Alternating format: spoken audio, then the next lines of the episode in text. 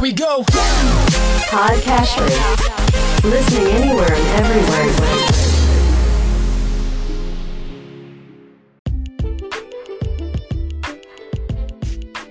Welcome to Weekly Investment Podcast bersama saya Ferdian Syahputra dari Ispring Investment Indonesia untuk Prudential Indonesia.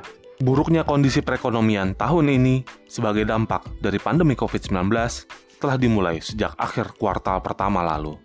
Saat itu, semua mesin pertumbuhan mengalami kontraksi dan berlanjut hingga kuartal kedua. Kekhawatiran akan buruknya kondisi perekonomian tentunya masih membayangi hingga menjelang tutup tahun. Dan tentunya masih banyak yang mempertanyakan apakah perbaikan ekonomi benar-benar sedang terjadi. Dari beberapa data yang merupakan indikator perbaikan ekonomi, terlihat bahwa perbaikan kondisi perekonomian sedang berlangsung saat ini. Salah satu indikator utama terlihat dari data produk domestik bruto yang dirilis oleh Badan Pusat Statistik, di mana sepanjang kuartal 3 sudah mengalami perbaikan dibandingkan dengan kondisi pada kuartal 2 lalu.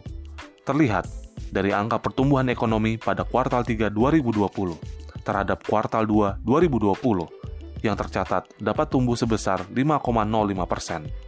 Hal ini disebabkan oleh pertumbuhan yang terjadi pada hampir semua komponen pertumbuhan. Pertumbuhan tertinggi dicapai oleh komponen pengeluaran konsumsi pemerintah sebesar 16,93 persen.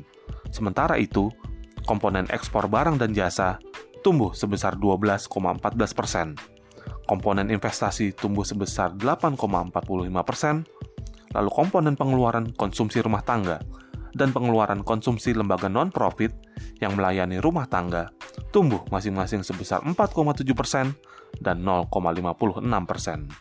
Salah satu indikator lainnya dapat dilihat melalui penjualan kendaraan roda 4 dan roda 2 yang meningkat belakangan ini seperti yang telah diungkapkan oleh salah satu grup produsen otomotif terbesar di Indonesia, Astra International.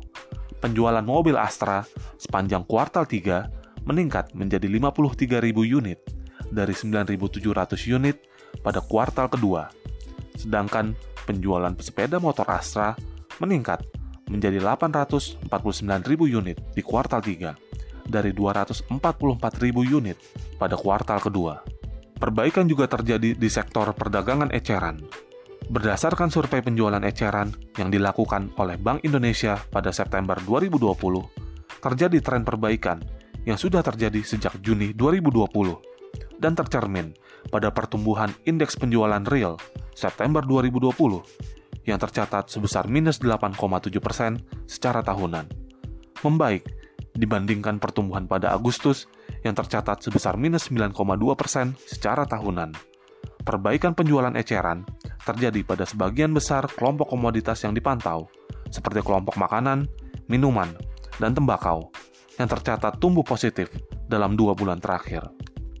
Perbaikan ekonomi memang belum menyentuh seluruh sektor. Ancaman penyebaran COVID-19 yang dari hari ke hari masih meningkat membuat laju perbaikan ekonomi masih cenderung tertahan.